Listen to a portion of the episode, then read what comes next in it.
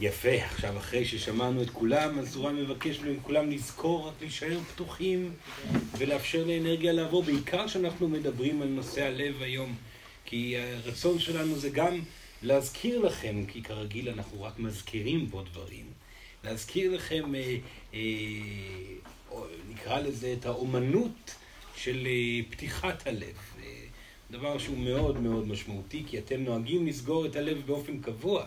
רגע אחד.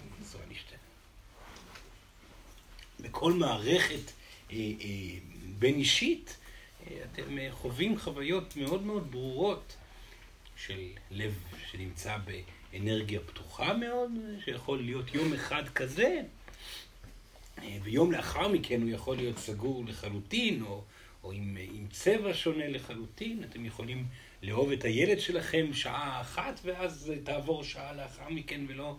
לא לרצות לראות אותו בכלל, וכמובן שאם מדובר על זוגיות זה אפילו יותר גרוע. יש פה, אה, אה, ללב שלכם, אה, יש משוכות רבות שאתם מעניקים לו בחיבה ובאהבה, הרגליים ילדה, כן, כן. ושאשר מונעות ממנו להיות בנוכחות מלאה רוב הזמן. וזה דבר שמקשה עליכם מאוד, זה אחד מהמקורות הסבל הגדולים ביותר שלכם, בעיקר כאשר מדובר על התגובה של החיצונים אליכם לסגירות הלב שלכם. אתם גם מכירים את זה על עצמכם, איך שאתם חווים אדם שמגיע עם לב סגור אליכם. אתם יודעים טוב מאוד מה המשמעות שאדם שאתם מכירים עד כמה שהלב שלו יכול להיות פתוח, ולפתע הוא מגיע עם אנרגיה סגורה לחלוטין, עם כעס, ועם ביקורת, ועם התבוננות צרת עין. ואתם מזהים את זה כמעט תמיד כחוויה של אותו אדם שאהב אותי קודם, עכשיו ממש לא אוהב אותי, הוא אפילו שונא אותי. זה יוצר מאבקים שקורים אה, לפי ההתבוננות שלנו, כישויות שמטיילות סביבכן, ולפעמים גם יכולות להזכיר לכם דברים, מה שאתם גם כן לא פותחים את הלב גם אלינו, סורן חייב לומר. אה, אנחנו רואים את הצבעים שלכם, האנרגטיים. משתנים מספר פעמים ביום, וכמה שאתם סובלים מזה, וכמה סבל אתם יוצרים במעגלים שנמצאים סביבכם. וחשוב לנו להזכיר לכם שבסופו של דבר הלב שלכם הוא אה, המקור האנרגטי שלכם, אפשר לומר, והוא הגרעין של הקיום שלכם. הוא נמצא תמיד באנרגיה מאוד מאוד זורמת של אהבה. הוא לא, הוא לא יודע מהי אהבה אה, לא, אה, אשר נמצאת במעצורים. אם אתם תראו אותו אה, אה, מבודד מאנרגיית הפחדים, וישנם מצבים ש, שהלב שלכם, או האנרגיה שאתם מכנים אותה הלב, אה, היא מבודדת מהפחדים, ואז אתם יכולים לחוות עוצמות מאוד גדולות של אהבה כלפי כל דבר. זה קורה בעיקר בעזרת כל מיני חומרים שאתם נעזרים בהם בשביל לחוות את החוויה הזאת. אה, אבל אה, גם במצבים של אה, שלווה גדולה שמגיעה, וגם פתאום שהעומסים יורדים מעל גבכם, ופתאום אתם לא חושבים על כסף כל הזמן, ולא דואגים על מה יקרה בעתיד מבחינה תחלואית למשפחה, או מה יהיה הגורל של הילדים שלכם, או כמה הבוסים שלכם מעריכים אתכם או לא מעריכים אתכם. ומה יקרה בצורה פוליטית, ומה ראש הממשלה יעשה למדינה שלכם, או כל מיני אלמנטים שרצים לכם בתודעה, שפשוט מפרים את השדר הרך והקבוע שהלב יכול להיות בו. ואין ספק שמאבק מאוד גדול אה, אה, יצטרך להיות אל מול עצמכם, אם תרצו ותחליטו לחוות חוויה אה, שלמה של אנרגיית הלב שלכם. וכאן חשוב לסורן לומר שהלב שלכם לא כל כך אכפת לו את מי לאהוב. זה משהו שקצת קשה לכם לקבל אותו, אבל זאת האמת, הוא רוצה לאהוב, זה לא כל כך מעניין אותו אם הוא יאהב את, את האישה הזאת, או האישה הזאת, או הגבר הזה והזה, ואולי את כולם ביחד.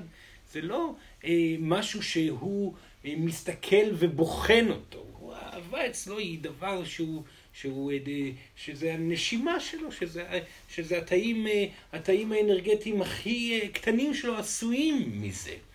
מי שמפנה את שדר הלב ימינה, שמאלה, לאדם ההוא והאדם ההוא, זה אך ורק אתם. עכשיו, יש בזה היגיון מאוד מאוד משמעותי, כי בגרות רוחנית זאת ידיעה מאוד מאוד חזקה, אשר מכוונת את הלב ומפנה את הלב אה, אה, אה, לאהוב את האנשים הרלוונטיים. אז זה משפט לא פשוט להגיד. בסורן חייב לומר שהמעגל הזה באופן כללי לא כל כך הולך להיות פשוט. ולכן סורן מבקש מכם לשאול שאלות, כי יש לנו כאן איזשהו סוג של צעד התקדמותי, תודעתי, שסורן רוצה לפתוח פה ולהעמיק בו קצת יותר. בוא נאמר ונתחיל מדוגמת בסיס, ויש כאן כמה אנשים שנמצאים במקום ההוא, וסורן מקווה שזה יהיה רלוונטי אליהם, ואנשים שהתקדמו מהמקום ההוא, וסורן יודע שגם אליהם המילים האלו יהיו רלוונטיים. בוא נאמר וישנה אישה אשר מחפשת אהבה. טוב, היא מחפשת את הגבר או את האישה, או לא משנה מה היא תחליט, שאל אותה נשמה היא תוכל, היא תוכל בעצם לשדר את אנרגיית האהבה הטוטלית אל אותה נשמה. עכשיו, יש אה, הרבה מאוד רעיונות בשכל שלכם, מתוך פחדים וחוויות גלגוליות, ו- וקשיים שעברתם בגלגול הנוכחי, ודעות שההורים שלכם אמרו, ודעות שחברים חושבים, ומה שהטלוויזיה אומרת, ומה נראה יפה, ומה נראה לא יפה, ו- ובעיקר, חוץ מכל הדברים האלה, בעיקר הפחד הגדול שאותה אישה חובה, וכך כל אישה וגבר חווים את הפחדים הגדולים האלו, גורמים לאותה אישה, בגלל אותם פחדים, לחוות חוויה שהיא כן יכולה להזרים את אנרגיית האהבה שלה לגברים מסוג מאוד מאוד מסוים. בוא נאמר שאותה אישה מפחדת פחד פנימי שאיננו ידוע לה. בסופו אני יודע שכמה נשים וגברים שישמרו, ישמעו את המילים האלו, ירגישו את הרטט שלהם אה, אה, נהנה, נהנה אומרים, לא, נענה, תודה, למילים שסורן כרגע הולך לומר. ואותה אישה אשר מפחדת פחד מאוד מאוד גדול מלבחור אה, מסגרת שהיא טעות. מה הכוונה? לבחור גבר ולקום יום אחד בבוקר ולזהות את הקטסטרופה הגדולה ביותר שהיא חלמה בחייה. מה הקטסטרופה הגדולה ביותר? בוא נאמר, הגבר הזה יהיה כובל. בואו, הוא לא ייתן לה את היכולת אה, להביע את עצמה בצורה יצירתית, בצורה ייעוד, בייעוד שלה, בהתקדמות התהליכים שלה, והפחד הכי גדול שיש לה בגלל חוויה גלגולית, וזה קיים אצל הרבה מאוד נשים, בגלל חוויה גלגולית של בדיוק סיפור שכזה, כן? והיא גורמת לה להסתכל על גברים ולזהות את הגברים, שימו לב שהיא יודעת ברמה פנימית, אולי לא במודעות כרגע, אבל זה, כאן, זה כמובן יעלה למודעות מתישהו, וסורן מקווה שהמילים האלו יגרמו לאנשים הרלוונטיים שזה יעלה למודעות שלהם. המחשבה שאם הגבר ההוא לא יכול לספק מסגרת, אז אני יכולה להפנות עליו את אנרגיית האהבה. כי אני רואה על עיניו שהוא לא מספיק חזק לקחת אחריות עליי. ואני רואה על עיניו שהוא יודע לחגוג את חייו, ולכן לא מתכוון להשתקע ולהתקרקע בזוגיות אחת. כל זה רואה אותה אישה והאגו שלה, אשר מפחד פחד מאוד מאוד גדול מהמסגרתיות שעליה דיברנו, שאולי בכלל לא תקרה בגלגול הזה ואין לה שום היגיון קונקרטי, אבל הפחד הכל כך גדול הזה גורם לה להתבונן על גברים שלא יכולים בכלל להיות במודעות של לקחת אחריות עליה בצורה מלאה, אך דווקא אליהם היא נמשכת ומתאהבת, והזרימה עוברת כל כך חזק, והלב משתולל וצועק, יש, אני אוהבת סוף סוף.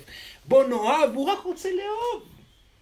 הוא לא באמת מחליט את מי הוא יאהב, אותה אישה מחליטה שהיא תאהב דווקא את הגבר הילדותי הנוסף הזה, כמו השלושים והאחרים שהיו מכל חייה. אותו סיפור חוזר. והיא שואלת את עצמה, רגע, מדוע שוב אני מקבלת מישהו שאני רואה את כל הטוב שבו, והלב שלי כל כך אוהב אותו, אך הוא פשוט מתנתק ומתרחק, והיא לא מודעת לכך. שהאגו שלה, שכל כך מפחד מלחוות חוויה רגשית של פחד מאוד גדול, כי הפחד הגדול פה הוא בעצם לבוא ולהתמסר לתוך זוגיות, ואז לזהות כישלון כזה או אחר, אולי פגיעות שיכולה להיות, או אולי אה, אה, חלק שיכול להגיע, או סגיר, כל הדברים שיכולים לעלות אה, אה, בנשמה, ופשוט גורם לה אותה סיטואציה שנמצאת באישה הזאת להתאהב אך ורק בגברים האלו. הסיטואציה הזאת היא דוגמה מצוינת בשביל להבין שאתם, שיש לכם את הלב שלכם, אתם צריכים להיות מודעים מאוד, בהתבוננות מאוד חזקה, על איפה הלב שלכם כן נפתח, ואיפה אתם לא מאפשרים ללב שלכם להיפתח. ואתם צריכים לזהות את המקום הזה, במיוחד כאשר מערכת יחסים מתחילה להיות מלאה.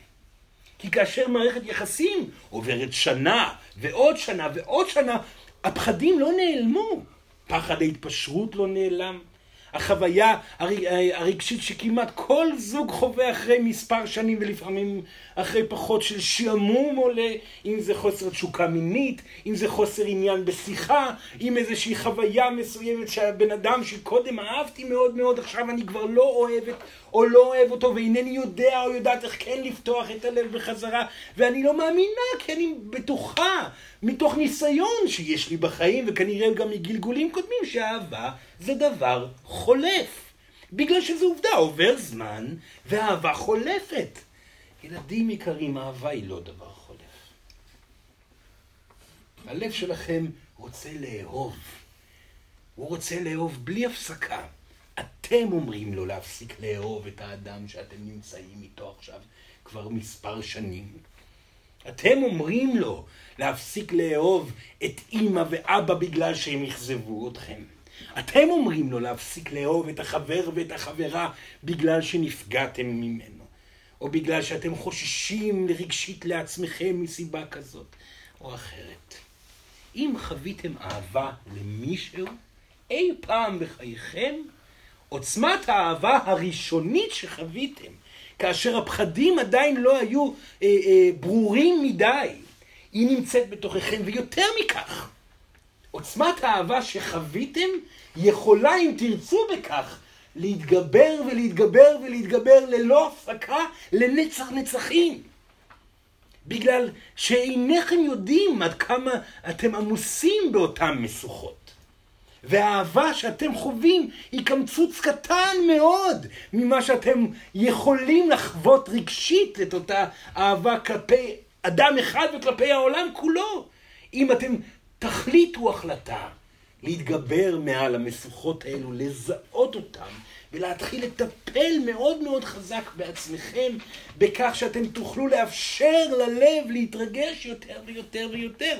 עכשיו, למה סורן חשוב לו לומר את הדברים האלו? כי ישנה טעות שחוזרת אצל כמעט כולם, למרות שישנם אנשים שמקשיבים לסורן כבר שנים, עדיין טועים בכך, הם בטוחים שאם הלב שלכם אהב בצורה טבעית, במבט ראשון לדוגמה, מדובר פה על אהבה אמיתית, כי אהבה אמורה להיות טבעית. ואם הלב שלכם לא אוהב בצורה טבעית, אלא בהדרגתיות קורה הדבר, זה מעיד על כך שיש כאן משהו מלאכותי ולכן הוא לא ראוי. ועליכם לזכור שהמצב הוא בדיוק הפוך, ממש הפוך ממה שאמרתם. כי אדם שמתאהב התאהבות ממבט ראשון, כאשר הוא לא עושה עבודה על הפחדים שלו, אז יש כאן הבטחה מלאה שמדובר ברוב אסור לא יעשה הכללות, אסור לעשות הכללות.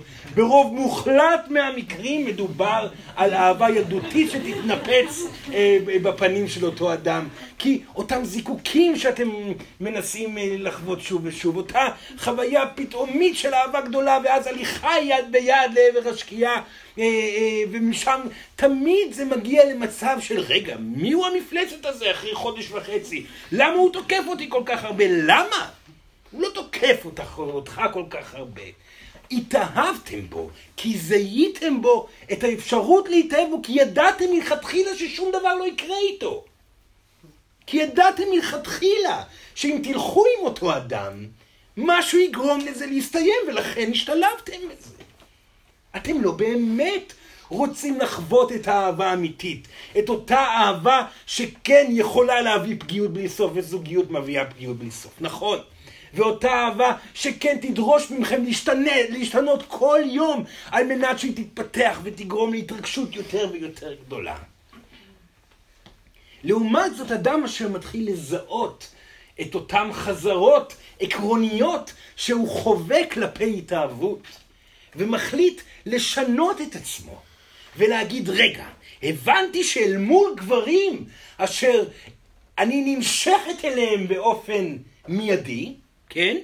כי אני יודעת, סורן חוזר אל אותה אישה שדיבר עליה בהתחלה, אני נמשכת אליהם באופן מיידי, כי אני יודעת טוב מאוד שמול אותו גבר אין כאן סכנה אמיתית, כי לא יקרה איתו שום דבר, ואני נמשכת לבחור הנחמד הזה, הטווס הזה שם, שמנפנף בזנב היפה שלו, כי ככה הוא יודע למשוך את הנשים, ומדבר בקול רם, ועולה על שולחנות וצועק בצחוק גדול, ומראה לכולם עד כמה הוא נפלא. רוב המקרים גבר שמדבר יותר מדי מנסה להשיג משהו, נכון? גברים אשר כבר הבינו שהם רוצים זוגיות אמיתית אחת, לא בהכרח ידברו כל כך הרבה. הם לא יצטרכו להגיד. וכאן אם יש, יש פה כמה גברים שנמצאים פה בחדר, שבאמת נמצאים כבר במקום הזה, שכבר לא צריכים להוכיח את עצמם. הם יודעים שהם רוצים אהבה, והם יודעים לבחור את האהבה, וברוך האלה גם קיבלו את האהבה שלהם בזכות התודעה הזאת, במקרה ספציפית בחדר הזה. אבל אותה אישה נמשכת לדברנים.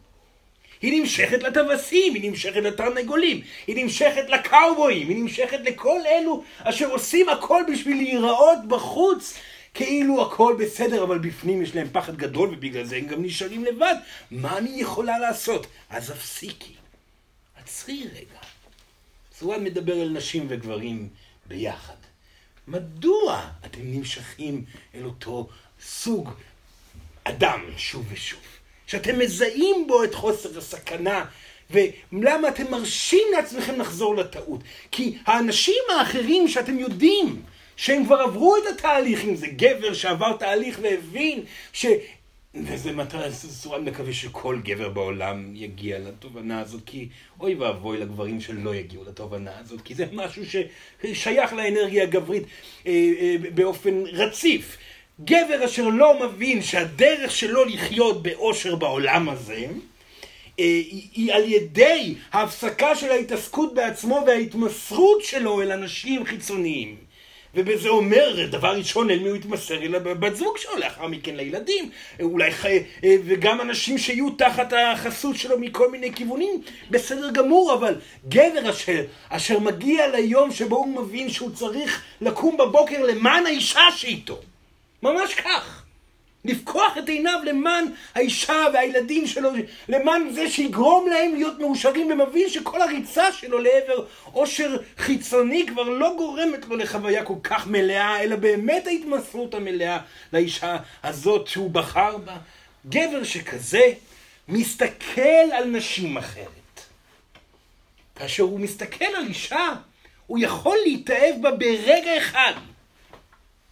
וכאשר גבר כזה פונה אישה, והוא יכול לפנות אל אישה ואשר מפוחדת מהאנרגיה הגברית האמיתית הזאת, ואומר לה שלום, והוא יפנה, הוא, הוא יהיה מספיק אמיץ גם לפנות, הוא לא רק אה, אה, יכתוב בטלפון, כמו שכולם עושים. איזה תקופה הזויה אתם נמצאים שמדברים שם כל הזמן באיזה גברים יקרים, תפנו אל אנשים. לכו אל נשים. למה אתם הולכים, זה, זה השתנה מאוד בשנים האחרונות, למה אתם הולכים ויוצאים אה, אה, אה, למקום אה, של ריקודים, ומקום של, אה, של שתייה וחגיגה ושמחה? ואתם אה, הולכים לשם בשביל להיות עם... אתם יודעים טוב מאוד שאתם לא באים להיות עם חברים. אתם רוצים לראות נשים, הנשים רוצות לראות גברים, אבל אף אחד לא ניגש אחד לשני. ומעדיפים לעשות את זה תחת הביטחון של המרחק הווירטואלי.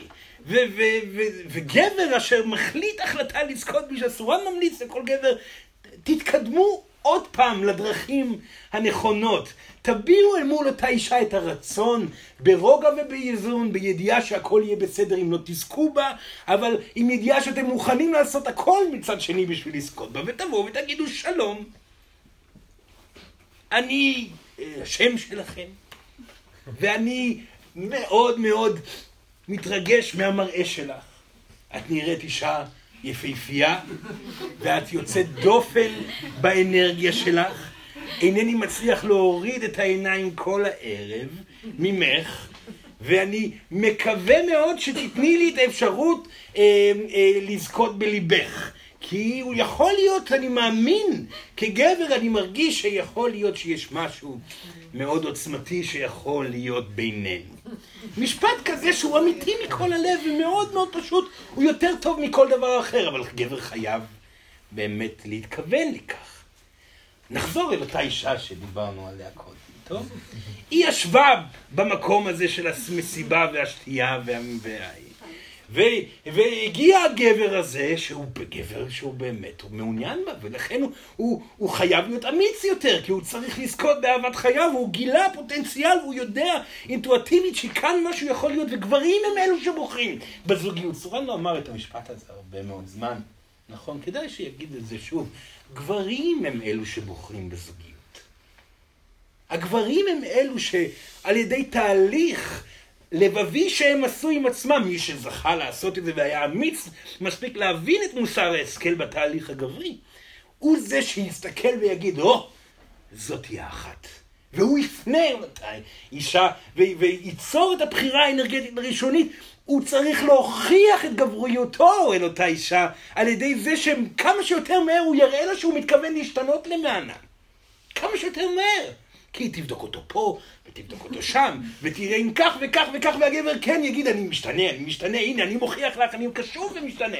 אני קשוב ומשתנה, שלום, אני קשוב ומשתנה וקשוב, והנה זה מצליח. זה כל הסיפור. וכאשר דבר שכזה קורה, וגבר ניגש עם האנרגיה הזאת, אותה אישה שדיברנו עליה קודם, וזה יכול להיות גם בכיוון השני, סורן לא אומר שלא, אבל לרוב נשים פחות עושות מהלכים כאלו אל מול גברים. אותה אישה שדיברנו עליה קודם, תרגיש מיד שהיא איננה רוצה את אותו גבר. הרגשה של מחנק מאוד גדול. מה הוא רוצה ממני? הוא חונק אותי. הוא חונק אותי באהבה שלו. ואז עולה, עולה המשפט, הוא בכלל לא אוהב אותי. ש... על מה הוא מדבר? הוא כרגע פגש אותי. הוא רואה אותי בפעם הראשונה והוא בטוח שהוא אוהב אותי. הרי זה לא הגיוני, הוא רוצה בי כל כך, הוא רק רוצה בגוף שלי פעם נוספת.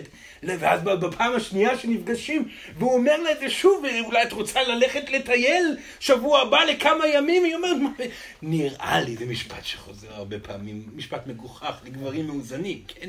אה, נראה לי שאתה אה, מתאהב, התאהבת ברעיון, לא התאהבת בי, התאהבת ברעיון של זוגיות. אתה לא באמת רואה אותי, אתה רואה את הרעיון של זוגיות. זה הרי אבסורדי לחלוטין, הוא מסתכל עלייך כרגע.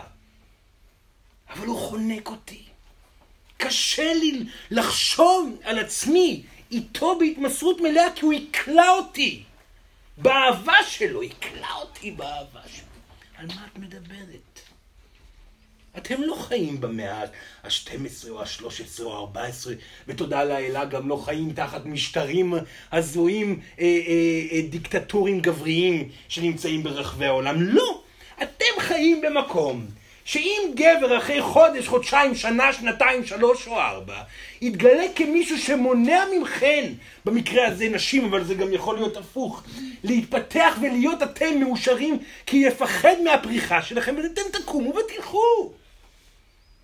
אז אף אחד לא יכול לכלוא אתכם, לקלוא אתכם, אה, אה, לתפוס אתכם, לעצור אתכם, ממש לא. תרשי לו להתבטא. ואז, אחרי שזיהית או זיהית שמדובר פה על אנרגיה שעד כה פחדתם ממנה, אלוהים שבשמיים, תעצרו עכשיו. התבוננו על אותו אדם שעד כה פחדתם, הוא נראה טוב, הוא נראה טוב. כנראה זה לא קשור למראה. הוא מחייך יפה, הוא מחייך יפה. יש לו עיניים טובות, יש לו עיניים טובות. הוא רוצה אותי, כנראה שכן, כי אני כנראה ממש לא רוצה אותו למרות כל הנתונים האלה. אז מה עכשיו? עליי ללמוד לפתוח את הלב לאנרגיה הזאת בדיוק. איך אני עושה את זה. וכאן סורן מדבר על תבנית הפרקטית של פתיחת הלב, שכל גבר ואישה צריכים לעשות, אם זה בתוך זוגיות, אשר ההתאהבות משום מה חלפה בה, בגלל פחדים כאלו וכאלו, ואם זה אה, אה, אה, במפגש ראשון אל מול המודל הגברי המאיים, או המודל הנשי המאיים, ואם זה גם מול הילדים שלכם, או כל אדם אחר, שאתם מזהים את הלב שלכם נסגר לכיוונו. עצרו, התבוננו על אותו אדם, תלקטו את הדברים שאתם כן אוהבים בו. הסתכלו טוב, אני אוהבת את העיניים, אני אוהבת את החיוך, אני אוהבת איך שהוא מדבר. בוא נתמסר לזה. נשים בצד את כל הפחדים, ונאפשר לזרזיף אנרגיה של אהבת הלב שגם כך רוצה להתפרץ לאנשהו, ואני מרשה לו כל הזמן להפנות את עצמו לאותם יצורים אה, גבריים לא מפותחים עכשיו. אני אעבוד על כך שאצליח להיפתח סוף סוף לגבר ראוי. ומתוך ההתבוננות על הטוב, אל תישארו רק סתם כך, ממש לא. תיצרו מגע. מגע פיזי אם צריך, מגע מילולי, אם זאת פעם ראשונה. אם מדובר על זוגיות ארוכה, אז כן מדובר על מגע לחבק, לגעת. למרות שאותו גבר או אישה שעד כה כבר עברו שבועיים, שלושה וחודש שלא נגעתם, פתאום יגיד, רגע, מה היא עושה? מה הוא עושה? וואו, זה, זה, זה מוזר, תישארו. תתבוננו על הטוב, תלטפו, תיגעו, תתחבקו, תנו לעצמכם לפתוח את המחסומים ואל תחשבו לרגע שזה יהיה קל. כי אתם מנוסים מאוד בלהקשיב להתנגדויות שלכם ולהאמין שההתנגדויות האלו מבשרות על אינטואיציה גבוהה. וזה בדיוק הפוך. לכן העבודה שאתם מתחילים לעשות אותה עכשיו בתוך הזוגיות היא עבודה שלא עשית אותם אף פעם בכל זוגיות שחוויתם בגלגולים קודמים. אתם מתחילים את אותה עכשיו. אתם סוף סוף נמצאים במקום, בתודעה, בהבנה אנרגטית ופיזית, שהדברים שסורן מדבר אליהם, סוף סוף נוחתים על אוזניים שיכולות להכיל את האנרגיה הזאת. וזה עכשיו, מעכשיו ידרוש מכם את העבודה, זה לא היה קודם, לכן סורן לא מצפה שתוך שבוע תצליחו לעשות את זה, וגם לא תוך שנה, וגם לא תוך שנתיים, ואתם תהיו מופתעים לגלות שבעוד תחומים ועוד תחומים זה מגיע, ואתם אוהבים את זה, ופתאום לא אוהבים, ו...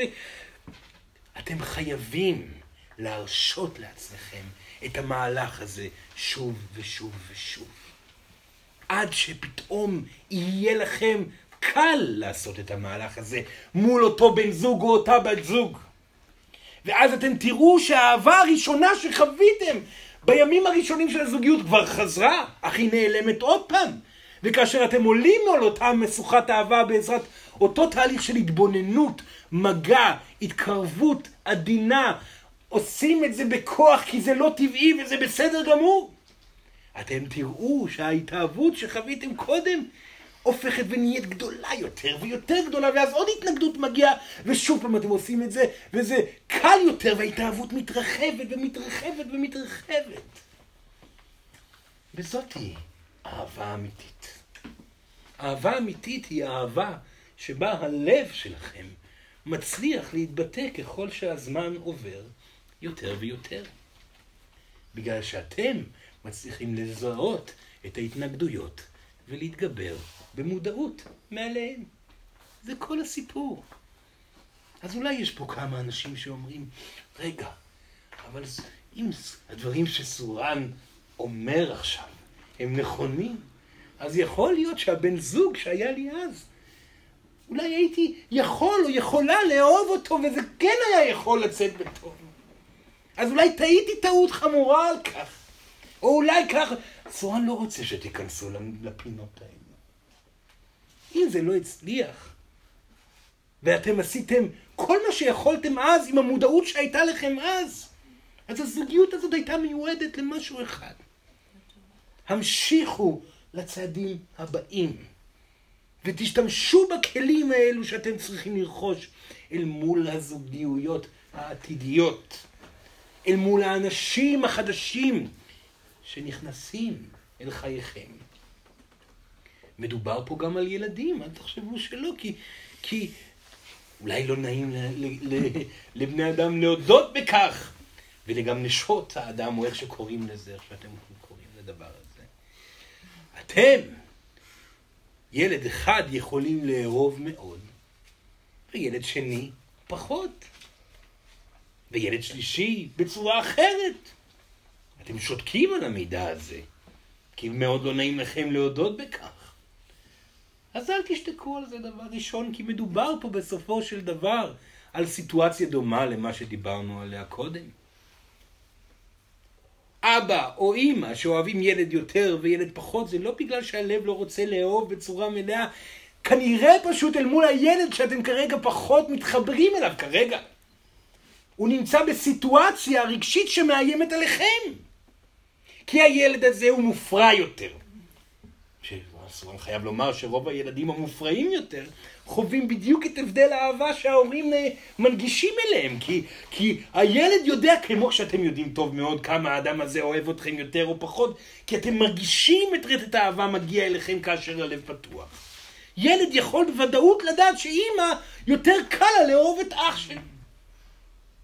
הוא לא אומר למה, הוא אומר כנראה אני, אני לא מספיק טוב, אז היא אוהבת אותו יותר.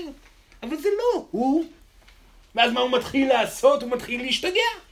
אמא לא אוהבת אותי, בוא נבדוק את זה. אז אני אעשה דברים רעים ונראה עד כמה היא לא אוהבת אותי. אה, היא צועקת עליי עוד פעם. היא כנראה לא אוהבת אותי. בוא נבדוק את זה עוד פעם. ועוד פעם ועוד פעם. והנה הילד הפך להיות מופרע. ומה קורה לאימא שכל כך מפחדת מילד אלים? אוי ואבוי, זה הגיהנום בהתגלמותו קרה עכשיו. תמיד פחדתי מילד אלים והגיע אליי ילד אלים. לא. הפחד שלך מילד אלים גרמה לך, או לך, אבא, או לא משנה מי, לחשוש כל כך הרבה לעתיד של הילד שהלב שלכם אוהב אותו אהבה אינסופית. עד כדי כך שאתם יצרתם מגננות והתרחקויות מאותו ילד. בצורה בלתי מודעת. והילד מגיב להתרחקות ולהתנתקות שאתם נמצאים. אז מה עושים? מה עושים? תעצרו. תסתכלו על הילד שלכם. לא משנה מה הגיל שלו. אתם מזהים, אתכם פחות מאפשרים ללב להתבטא, שימו לב למונח אלוהים שבשמיים. אתם לא מרשים ללב שלכם לאהוב את הילד הזה כמו שאתם יודעים שאתם יכולים לאהוב כי אתם אוהבים ילד אחר במידה כזאת או אחרת? תעצרו, תשאלו את עצמכם מה מפחיד פה. מה אתם חוששים? מה אתם מפחדים לאהוב בו? כי מה אתם עלולים לקבל? מה המשבר שיכול לקרות אם כן תתרגשו מאותו ילד, ובסוף הוא יתגלה כאכזבה מאוד גדולה. ואז אותו דבר, אל תנסו לפתור את הפחדים שלכם שם. התבוננו על הטוב. תסתכלו את העיניים שלו, אתם יודעים מי הילד שלכם. הלב שלכם יודע טוב מאוד כמה הוא אוהב את הילד הזה. הסתכלו על החיוך שלו, על הצחוק שלו, וכן, הוא משתולל עכשיו, אבל לא נורא. אני עכשיו רואה ורואה את הילד כמו שהוא. אני מתקרבת ומתקרב אליו, ומדבר אליו באהבה, למרות שהוא בטוח שאני לא אוהבת אותו מעכשיו והלאה, אני אדבר אליו ככה.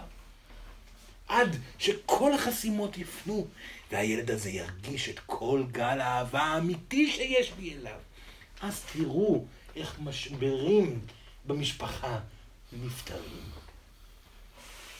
זאתי כמו כל נושא שסורן דיבר עליו, אחריות אך ורק שלכם. הכלים הם פשוטים מאוד, אך דורשים התעמקות ועבודה. סורן מאוד שמח שבאתם הנה למעגל הזה לשמוע אותו. וזה הזמן לשאלות. אפשר קצת מים בבקשה.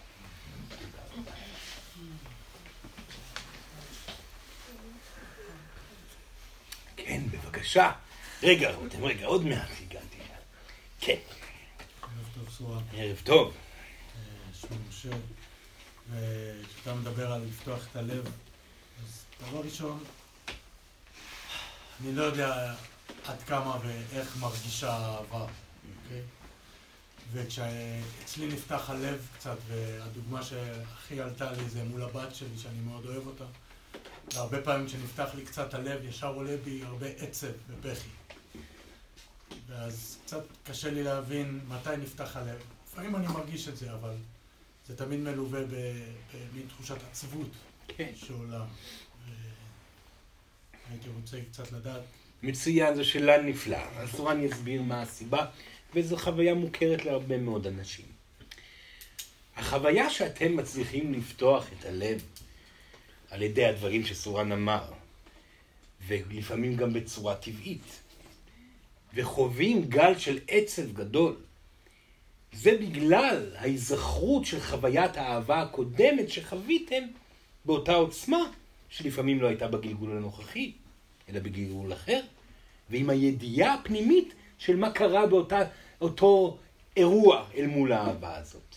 בגלל שאתם נשמות מתקדמות, אה, מתפתחות, זאת אומרת שבעבר הייתם פחות מפותחים ממה שאתם, בגלגול קודם הייתם הרבה פחות מפותחים ממה שאתם היום. זאת אומרת שאם אתם אהבתם בעבר, פחדתם. הפחד גרם לתנועה לא מדויקת, וכנראה היה משבר באהבה הזאת. סורן מדבר על מקרה קודם. כן. וכאשר הוא בא ואוהב את הילדה, הוא חווה בדיוק את מה שקרה אז. זאת אומרת, הפתיחות לב מביאה איתה גם את זיכרון הכישלון של האירוע הקודם. אל תתרגשו מהרגשות שלכם.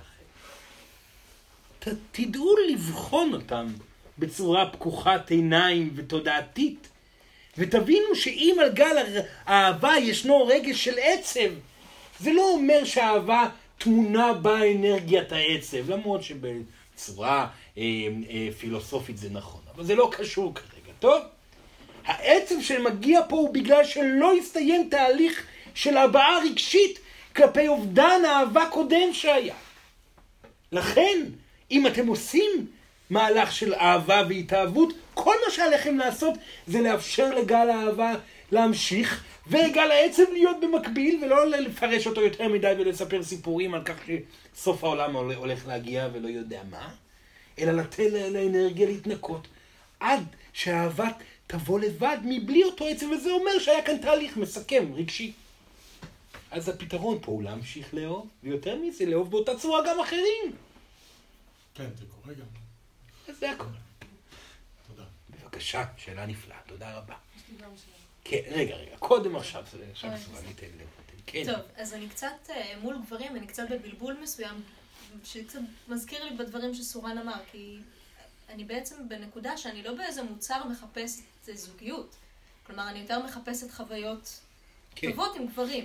כן. וגברים שמגיעים אליי, בדרך כלל, אני לא יודעת, יש לי בלבול מסוים. כלומר, כן קורה לי נקודות שאני רוצה להגיד לא די, אתה קשקשן לך, כאילו, ואני לא עושה את זה, ואז אחרי עוד דייט עוד שיחה מתברר שהוא קשקשן, ואז הוא הולך. זה היה שניים כאלה. אמ, ו... ואני לא יודעת, כאילו משהו, משהו מבלבל אותי במקום הזה שבו אני כן מחפשת את החוויה הטובה, אבל אני לא מחפשת את האנרגיה המושלמת, ה-whatever שלי. היא שואלת בעצם, אם כך, אם הדרך התנהלות שלה, על פי המלצותו של סורן, הייתה לחוות חוויות של אה, הרפתקאית גברית, כן? והתנסות גברית, אז מדוע היא איננה מצליחה להתגבר על קשקשנים, לדוגמה? זה מה שהיא שואלת, למה היא לא מצליחה לזרום עם אנרגיה לא מלאה ולא מושלמת. לא, זה ברור לי למה אני לא מצליחה לזרום איתה. כי הם מעוררים בי חרדה מטורפת שהם יתקפו אותי, או שהם ישימו על היד לא מתאים. ופשוט אני, אני כל הדייט, כאילו, קשה לי לתפקד. וכל מיקוד שלי, במקום בליצור קשר עם הגבר, זה באיך אני איכשהו עובר דרך החרדה הזאת, ולא כאילו מתפוצץ. מצוין, הנה, היא פירשה את כל הנוכחות שלה, זה בדיוק המצב. היא מודעת למצב. עכשיו, מה שעולה מתוכה במקרה כאן שהיא אומרת זה דבר מאוד אינטנסיבי. היא מדברת פה על פחד איום ונורא שמונע ממנה להתרגש מקשקשנים. כאילו, אני אמורה שבא אליי מישהו קשקשן, הוא רק רוצה לעלות אליי הביתה כמה שיותר מהר. כן. אז אני אמורה פשוט להתרגש איתו? היא לא אמורה לא לעשות לא שום דבר כן. לפני שהלב שלה מאשר לה את זה. כאשר הלב שלה יאשר לה את זה, היא תדע בכל תא בגוף שמתאים לה לעלות הביתה עם אותו קשקשן. העניין הוא שכרגע היא עומדת אל מול סיטואציה שלא משנה מיהו הגבר שיבוא מולה, היא תחווה את אותו מערך רגשי שהיא חווה מול קשקשן ומול כל אחד אחר. ואת זה עליה לקבל, שיש פה איזושהי התנהלות קבועה שמונעת ממנה לפתוח בקמצוץ את הלב. היא לא צריכה להתאהב בו, היא גם לא צריכה לשכב איתו, היא לא צריכה שום דבר, היא רק צריכה לראות בו את הטוב. אז אחרי שהוא אחרי שנפגעתי ממנו, כשהוא היה ניסה כל הזמן להגיע אליי הביתה, והלכתי ובכיתי על הפגיעות, אז אחרי זה ראיתי בו את הטוב, הוא כבר נעלם בינתיים. לא, טוב, במקרה כזה שגבר אה, אה, מיד רוצה לנצל את הסיטואציה בשביל להגיע לסיפוק הצרכים שלו, ולא קשוב לאישה, אז כנראה לא צריך בכלל לגעת ולהיות איתו. זה שלא תרגיש רע על זה שהיא דחתה גבר שלא הרגיש אותה. שלא היה מספיק מודע בשביל לעשות צעדים מדויקים, כי הוא לא רצה לחוות אותה בצורה מלאה. היא הוציאה אותו מהסיפור כי היא זיהתה את זה. מה שכן עליה לזכור, שאותו מנגנון הגנתי יגיע בכל מקרה גם מול גברים כאלו וגם מול גברים כאלו.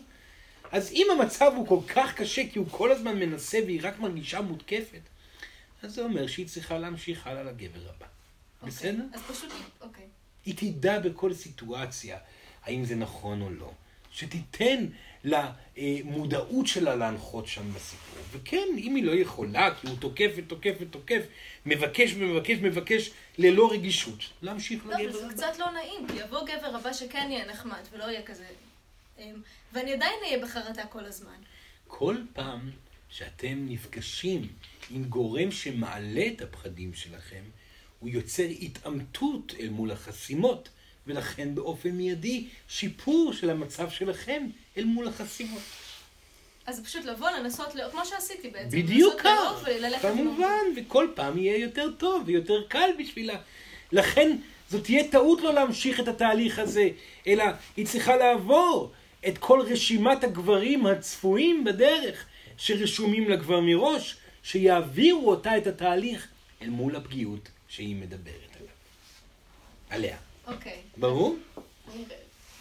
ככל שהיא עוברת יותר גברים שחושפים פגיעות, כך הפגיעות עצמה עוברת ריפוי. וככל שהריפוי עובר, יגיעו גברים שמרופאים בעצמם. אומרים מרופאים? איך? בריאים בעצמם, בסדר? כן. מצוין. ברור ילדה. אז פשוט להמשיך בדרך, ואם היא לא יכולה להכיל אותו, זה כנראה בגלל שהוא לא יכול להכיל אותה. אוקיי. טוב? כן. פה אין שאלות בכלל. כן, כן, בבקשה. אמ, אז אם כבר אנחנו חווינו פעם, פעמיים, כאילו כמה פעמים אה, שהלב שלנו כן נפתח, ואותו דבר כל אחד מאיתנו חווה לפחות כמה פעמים שהוא היה באור. כן. שהוא היה בתודעה גבוהה מאוד, וכל פעם זה נשכח, וכל פעם אתה אומר שצריך להזכיר לעצמנו את זה. למה יש לנו את הנטייה הזאת, קודם כל, לסגור כל הזמן ולשכוח את הרגעים שכן היינו באור? ואם אתה יכול עכשיו אולי לעשות איזשהו ריפוי ללב שלנו. אנחנו עושים ריפוי ללב שלכם בעודנו מדברים. עכשיו, זה כאילו מרגיש שיושב איזשהו משקל בעצם שחוסם משהו שם שחסום פה, וזה גם מרגיש כמו איזה סוג של רגש, ואנחנו צריכים את הרגשות האלה, כי קודם אמרת לו שאפשר לאט לאט לנקות את זה. אפשר נכון. להיות נקי לחלוטין מרגשות, אנחנו אמורים להיות במצב כזה שבעצם ממש ממש נקיים ומאובררים. מהפחד עצמו. מהכל, מכל הדברים העבריים שחווינו, מכל הטראומות, מכל ה... אנחנו יכולים להיות במקום. כמובן, בשביל זה אתם פה בגלגול האנושי. וזה החנק הזה בעצם של כמובן. זה המשקל, המשקל הוא של רגשות הם, הם, תקועים? זה לא, זה שרגשות תקועים, ובעצם המשקל עצמו מגיע מהאגו. שהאגו הוא בעצם שומר הראש של הרגשות התקועים. הוא יושב, אותו אתם מרגישים כאשר אתם מזהים גבר, לדוגמה, שמעניין אתכם, אבל לא מעיזות לבוא וליצור פתיחות. הוא יושב שם בפנים כי הוא איננו רוצה שהפחד ייצור הבאה. ואז הוא יושב חזק ואתם מרגישים את המשקל, ואם אתם מספיק זה מזהים... המשקל של הלב לא, שהוא לא נפתח? זה האגו שלכם, הלב שלכם אין לו משקל. זה מערך. הפיזי-אנרגטי של ההגנות שלכם, וזה האגו. האגו מנסה למנוע מכם לסבול. זה מה שהוא חושב שהוא עושה, ובכך הוא שומר אתכם סובלים. הוא בעצם מנסה למנוע מכם להביע את הרגש שיגיע כמו שתיאר עוד... אה, אה, פעם... משה. משה תיאר. כי מה יקרה? תהיה אהבה, אבל גם יהיה רגש שיעבור תהליך ואז תישאר רק אהבה. אבל אם הגבר זה שבוחר, ואתה אומר שהגבר יושב שם, כן. זה בדיוק מתאים, כי במקרה שלי אני אוהבת את גבר שהוא מאוד ביישן, אין סיכוי שהוא ייגש אליי. כן. אתה אומר שהוא צריך לבחור. הבחירה, ישנם מקרים, זאת הייתה הכללה, אבל הבחירה יכולה לקרות אצל גברים לפעמים רק אחרי שהם מקבלים אישור. כן, זה יכול לקרות דבר כזה. אז אם מדובר על גבר ביישן, והיא מרגישה שזה כן יהיה לה מדויק להתגבר מעל הפחדים שלה ולאפשר לו תנועה, שתעשה את זה. ואז נראה אם הוא ביישן לא- יותר מדי ולא מאפשר בכלל לזוגיות לקרות, או שהוא ביישן מתמודד, ביישן התחלתי ומתקדם.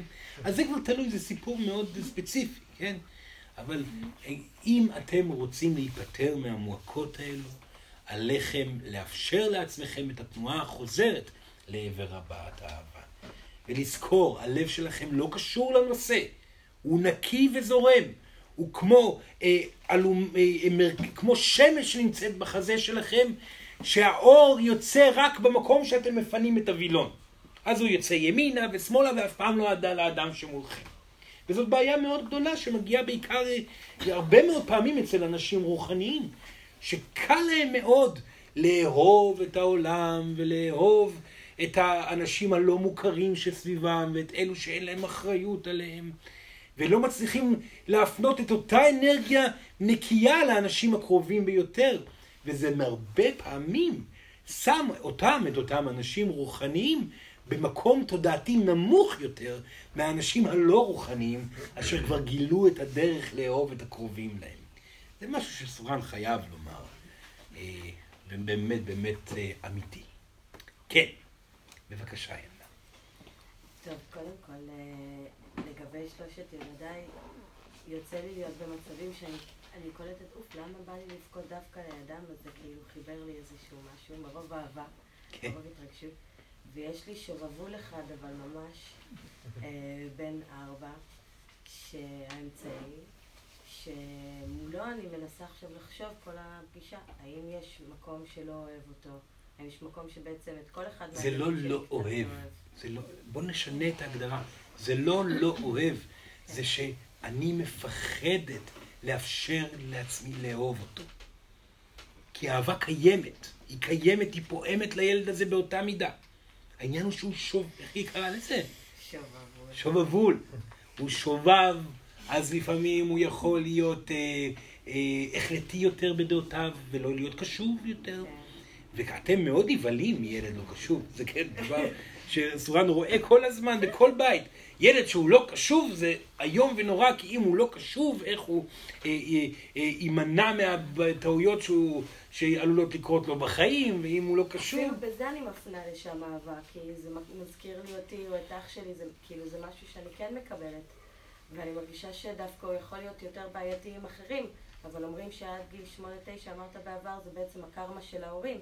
כן. אז אני אומרת, אם אני שלמה עם איכשהו, אז איך זה שעדיין יש כל כך הרבה בעיות? אני אפילו. בס...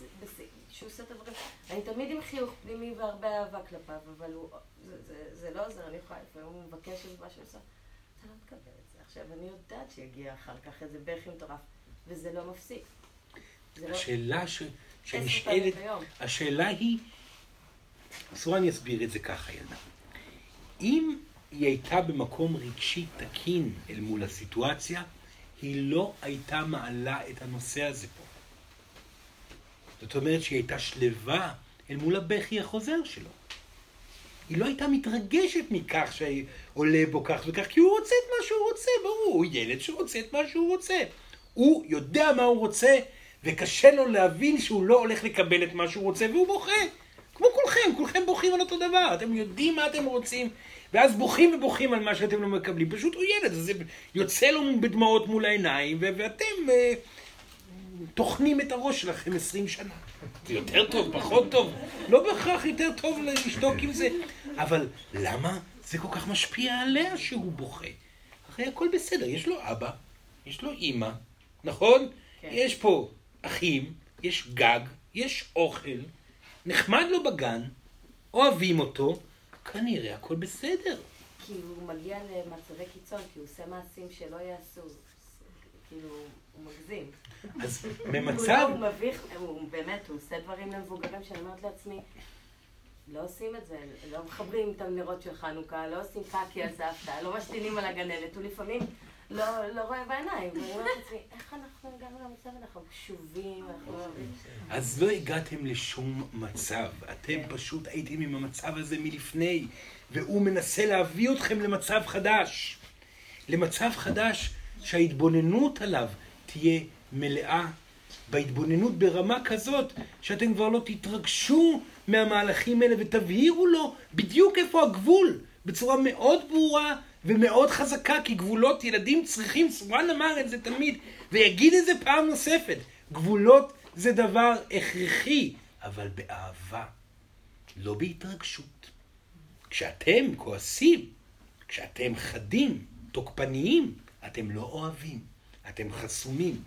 תשאירו את זה פתוח, טון נמוך, ולא, זה לא מקובל, ואני מחליטה, וזה נגמר.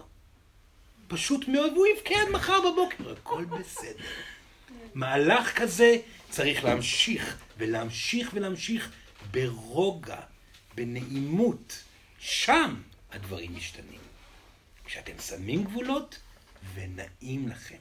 וכשאתם מתפוצצים על הילד, הלכתם עשרים צעדים אחורה, והוא יעשה אותו דבר בדיוק פעם נוספת. זה הכל קשור לזה. בסדר, ילדה? פשוט להמשיך את העבודה, ולא לדאוג. תפסיקו לדאוג כל כך הרבה. יש גם ילדים שפשוט באים בשביל ליצור טלטלה בעיניים העצומות של ההורים שלהם. וכאשר הם עושים דבר שכזה, הם יודעים טוב מאוד למה הם עושים את זה. במיוחד, אפשר לומר, זה לא, זה לא במיוחד, אבל רבים המקרים שזה דווקא הילד האמצעי שעושה את הדברים האלה. ולא סתם, לא סתם, הוא פשוט נשאר באמצע. זה מקבל אחד וזה מקבל את. והוא תקוע שם באמצע. ואיפה הוא נמצא? אוהבים אותו? לא אוהבים אותו? נעים? לא נעים? אלו דברים מאוד בסיסיים שרצים בתוכו, וגם רצים בתוככם כהורים. תירגעו, הכל בסדר. אתם מפחדים פחד גדול שהילד הולך להיות פושע איום ונורא. אז תדמיינו לעצמכם מה יקרה אם הילד יהיה פושע, איך תתנהגו איתו, מה תעשו איתו, ואיך תבקרו אותו בכלא מדי פעם. מה, ותרגישו שלמות עם הסיטואציה הזאת, תשלימו עם העתיד שאתם כל כך מפחדים ממנו, ואז תחזרו למציאות שלכם, ותתאזנו שם, תתאזנו רגשית ואנרגטית, ואל תעלו את האנרגיה לכעס. כעס הוא תמיד מחבל בקשרים מול כל אדם בעולם, ובמיוחד ובעיקר אל מול הילדים שלכם. טוב? מצוין. כן, כן, בבקשה. היי, שמי אורית, כן. צוות תנועה. אה, אני רוצה להמשיך את השאלה עם הילדים. אני גם מתמודדת עם זה. כן. יש לי בת, אה, ילדה בת שש, כן. שהיא כרגע בכיתה א', והיא מאוד בהתנגדות להכין שיעורים. היא עוד לא מתחילה, היא רוצה הפסקה.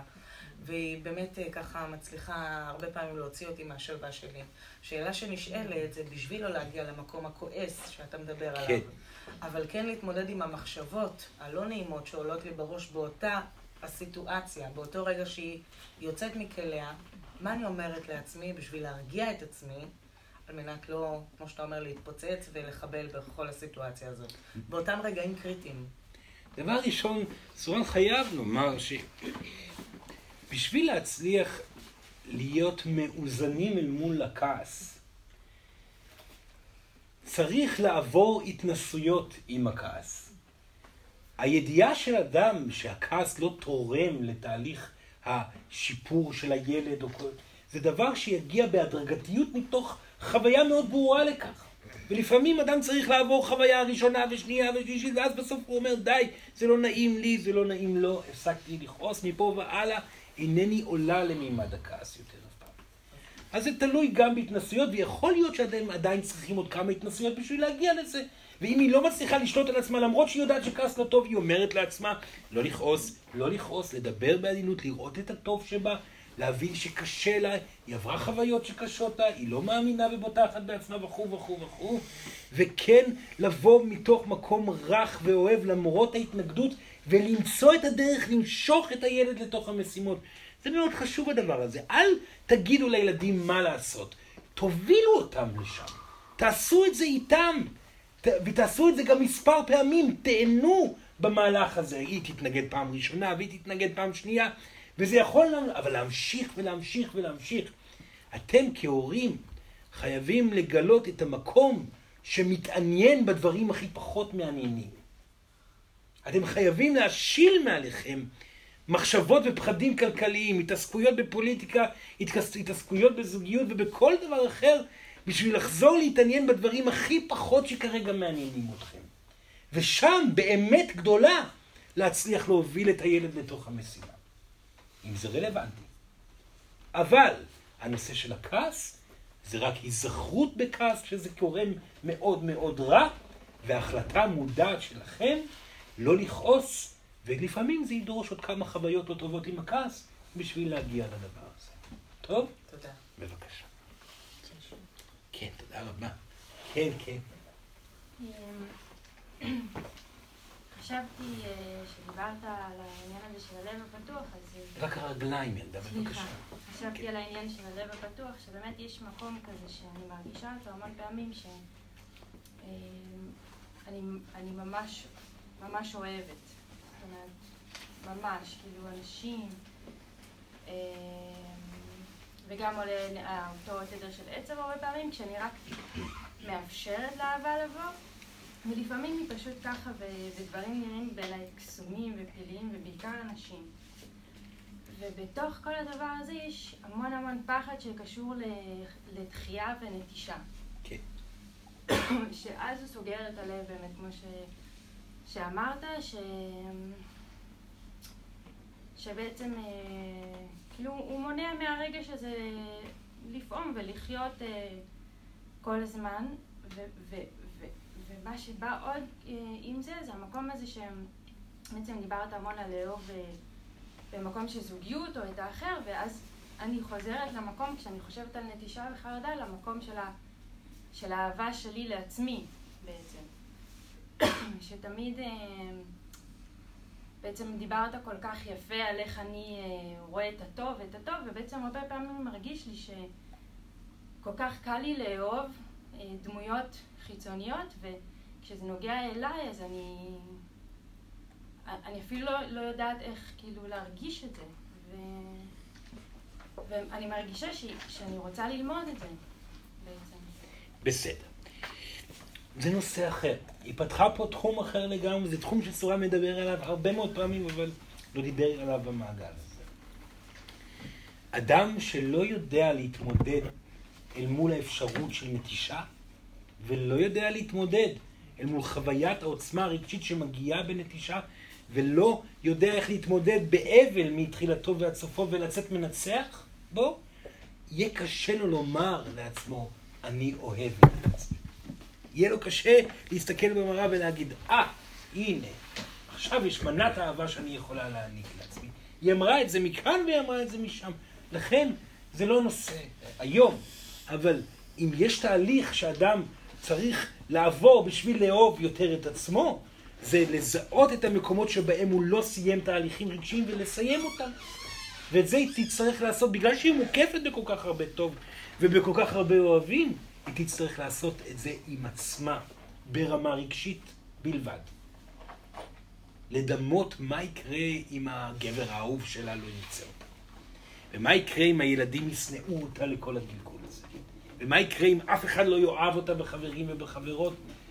ולחוות חוויה רגשית מבלי שהמציאות מבקשת ממנה את זה.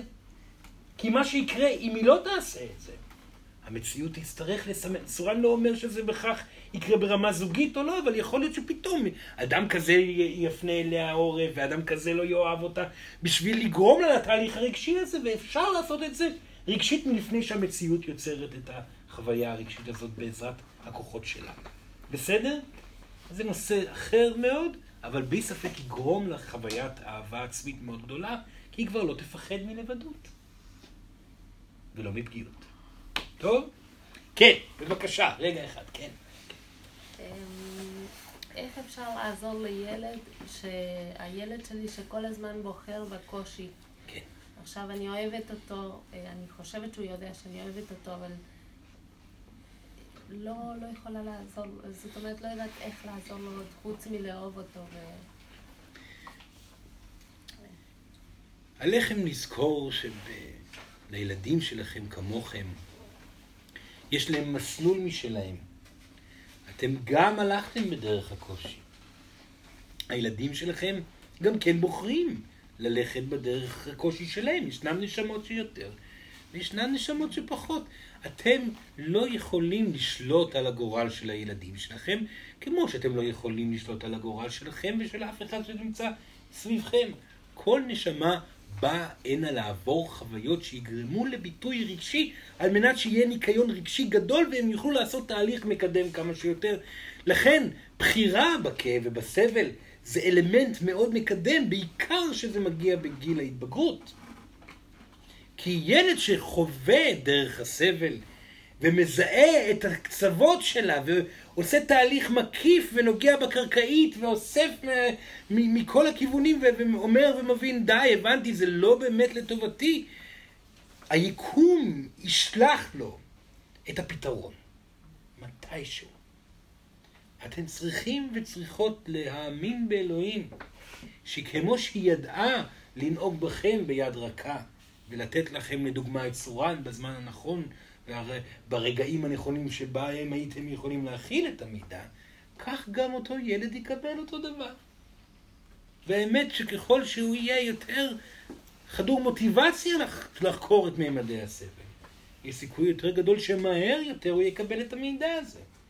לכן אל תבהלו גם, וסורן יודע שזה קשה מאוד לעשות את מה שסורן אומר. לא מזלזל בכלל בנושא. אל תבהלו שהדור הצעיר שלכם, שעכשיו חי בעולם, הילדים של התקופה הזאת, יחוו גיל התבגרות אינטנסיבי, עם אגו אינטנסיבי יותר, בזמן מוקדם יותר ממה שאתם חוויתם. כי אם הם יסיימו את תהליך ההתמודדות אל מול האגו בגיל 24 ולא בגיל 44 או 34, יש להם יותר זמן לחיות בתוך דיוק. וזה מאוד תלוי בכמה זמן נשמה עוברת את החוויות הקשות שמבהירות לה את הנושא הזה. אז סורן מנסה לנחם אתכם על ידי התבוננות מלמעלה. אבל ממעבר לזה, כל מה שנותר לכם לעשות, וכאן סורן רוצה להגיד את זה באופן כללי להורים. כי שואלים את סורן הרבה פעמים את השאלה הזאת, מהו הורה טוב? ובזה מאוד פשוט לסכם את העניין הזה. הורה טוב זה הורה שאף פעם לא מניח לעצמו לעצום עיניים אל מול המציאות של הילדים שלו.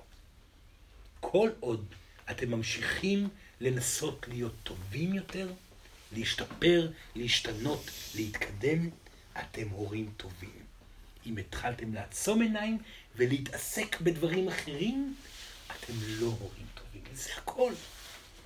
אז כל... אני מזהה מתי זה לסמוך על אלוהים ומתי זה לעצום עיניים. כי היא עשתה הכל, והיא עדיין עושה הכל. היא מדברת ובודקת האם עשיתי, סורן מכיר אותה טוב, אז היא יכול להגיד לה שזה המצב. היא עושה כל מה שהיא יכולה, אבל זה לא, אי אפשר כבר. הילד בן כמה הוא? יש לו קרמה משל עצמו. לחלוטין. זאת אומרת שהיא עושה הכל. היא אפילו מנסה לא להיות מושפעת מהתוקפנות. ואפילו מנסה לא להיות, להיות, להיות מושפעת מ... שהיא כבר לא מדובר רק על ההתנהלות מולו, אלא ההתנהלות שלה מול עצמה. והיא בודקת ימינה ובודקת שמאלה, ותמשיך לבדוק לנצח. היא אימא טובה. היא משתנה ומשתפרת מולו. אבל הוא נמצא בדרך שלו, ועכשיו, כאשר הילד נמצא בדרך שלו, והילד הלך לגן בבוקר, הוא הלך לבית ספר, הוא לא בידיים שלכם. אתם לא בשליטה שם. זה הזמן להרפות כי אין ברירה, אתם לא שם. זה שיעור מאוד חשוב, אתם שואלים למה יש גן. יש גן כי אתם צריכים ללמוד את אובדן השליטה. אתם צריכים ללמוד את, להניח ולה, ולהגיד, אוקיי, עכשיו זאת אלוהים. זה נורא משמעותי הדבר הזה. אתם, כשאתם נמצאים בנוכחות, אתם תהיו שם עד הסוף. מסיבה כלשהי, אם אתם לא, תנשמו עמוק, תעצמו עיניים ותאמרו, אלוהים, את דאגת לי כל כך יפה. בבקשה תשמרי גם על הילד שלי. אני אחזור לקחת אותו בארבע, בדיוק בזמן. מבטיחה. אבל עד אז תשמרי עליו, ואני פונה לדיוק שלי בשאר התחומים, וכאשר אחזור אהיה כולי שלו, בהתמסרות מלאה ובהנחה מוחלטת של ההתעסקות האחרת בחיים שלי. זה מה שאתם צריכים לעשות בכל סיטואציה, וגם אם הילד נסע להודו, ונסע לנסוע לא יודע לאן, ועושה, וגם בגיל 30 ו-40 עושה כאלה דברים. זה כבר לא בידיים שלכם. כל מה שעליכם לעשות זה להמשיך להשתנות למען ההרגשה הטובה שלכם. זאת העבודה הקבועה כהורים, בסורה אני יכול להגיד מניסיון, לנצח נצחים. כן. כן, בבקשה, רק הרגליים ילדה, בבקשה. האמת שרציתי לשאול את אותה שאלה אה, על ילדה, אבל שהיא יותר קטנה, שהקרמה עדיין קשורה אליי. כן. שבוחרת בקושי, בחרדה, בדיכאון, קצת, מדי פעם. אז אם זה קשור אליי והלב שלי פתוח, אז... פעם נוספת, אם ישנו מצב שקיים אצל הילדים שלכם, עליכם לבדוק איך זה משפיע עליכם רגשית. ואם היא מעלה את הנושא, זה אומר שזה משפיע עליה רגשית. ועליה למצוא את הדרך לפתור את העניין. האם יש פעולה שהיא צריכה לעשות? האם היא עדיין לא דיברה איתה באיזושהי צורה? האם היא עדיין לא פתחה איתה אמיתות מסוימות? האם היא לא עברה איתה חוויה מסוימת שהיא רוצה לעבור איתה? האם היא לא נתנה את כולה לילדה? לבדוק את כל האלמנטים. האם היא כועסת יותר מדי? מודאגת יותר מדי? דאגה זה דבר מאוד בעייתי, סורן אמר את זה בעבר. דאגה זה האגו הגדול ביותר שקיים להורים, כי דאגה זה בעצם מצב שהורה מפחד מאיך הוא ירגיש אם משהו יקרה לילד. וכאשר ההורים שלכם דואגים לכם, אתם לא סובלים אותם, וגם הילדים שלכם לא סובלים אתכם כאשר אתם דואגים להם, כי אתם לא דואגים להם, אתם דואגים לעצמכם בלבד. האם דאגה קיימת שם, או לא? ואם כן דאגה קיימת פה, אז אם היא לא קיימת, מעולה. נעבור לתחום הבא. נבדוק, נבדוק. הסבל, אי אפשר לטפל בו בלחיצת כפתור. תקשיבי ילדה, סבל יעבור. הוא לא נמצא, זה לא בקרמה שלה. עדיין. לכן, איך היא מגיבה לסבל הזה? אל מול סבל, הדבר הטוב ביותר זה להדליק את האור. תדליקו את האור סביבה, הכל בסדר. אני כאן מאושרת, רואה אותך, בוטחת בך ומאושרת. ויודעת שהכל יהיה בסדר, כי אני יודעת שגם אם יהיה גרוע מאוד, ואני תמיד אצטרך לטפל בך, אני אעשה את זה בלב שלם. אני מניחה את כל אפשרות התפתחות שלי בחיים וזורקת אותו לפח למענך. זאת שלמות בסיטואציה. וכאן האגו צועק, אוי ואבוי, וזה פחד של הרבה מאוד הורים. אם הילד בעייתי, הוא תמיד יהיה בבית. הוא ימנע ממני את הכיף שלי בחיים. כן. תזרקו את החיים שלכם לפח. זו דרך מאוד מאוד טובה להיפטר מהרבה מאוד אגו. כל אחד צריך לבדוק את האלמנטים שיושבים בתוכו, לזהות ולשפר את המצב הרגשי שלכם. ואז תראו איך פלאים יקרו אל מול עיניכם לילדים שלכם. זה קצת להיות אדישה. זה לא אדישות, לא, לא. כי אם אני לא אכאב את הכאב שלה... אז דבר ראשון, לכאוב את הכאב שלה זה אף פעם לא עוזר, זה ברור, נכון? אז זה לא עניין של אדישות, זאת הבנה שזה כאב שלה.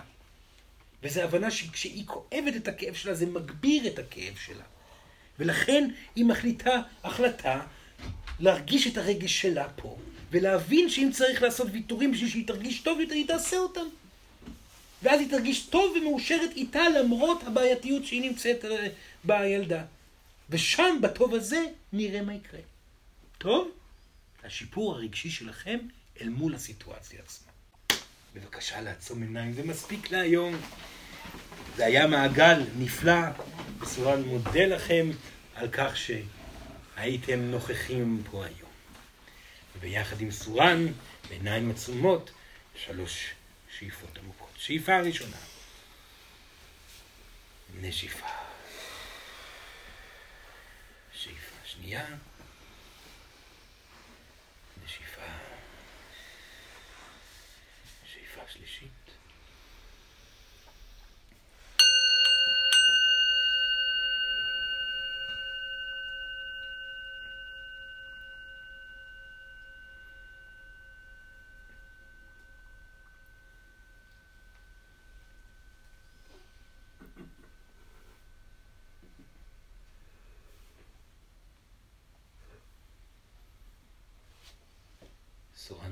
לכם מאוד על הערב הזה, מאחל לכם הצלחה בדרך, ומי שצריך אותנו, פשוט לקרוא לנו.